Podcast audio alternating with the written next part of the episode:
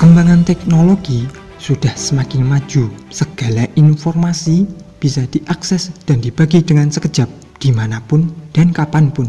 Facebook, WhatsApp, Instagram, Line. Di tengah pandemi, produksi hoax pun tak berhenti, bahkan makin menjadi salah satu cara untuk mengatasi dengan peningkatan literasi yang bisa jadi solusi. Bacaan yang bermutu dapat memberikan edukasi dan bimbingan dalam memilah dan mengolah informasi. Makin banyak referensi, makin besar peluang untuk menangkal kabar tak pasti. Mari kita lebih bijak dalam menerima informasi, terutama di masa pandemi. Waspadai berita provokatif, periksa informasi dengan benar, pastikan berasal dari sumber berita terpercaya, bedakan antara fakta dan opini. Dengan tindakan bijak dalam menerima informasi, kita sudah berkontribusi terhadap kesehatan mental masyarakat dalam menyalurkan informasi.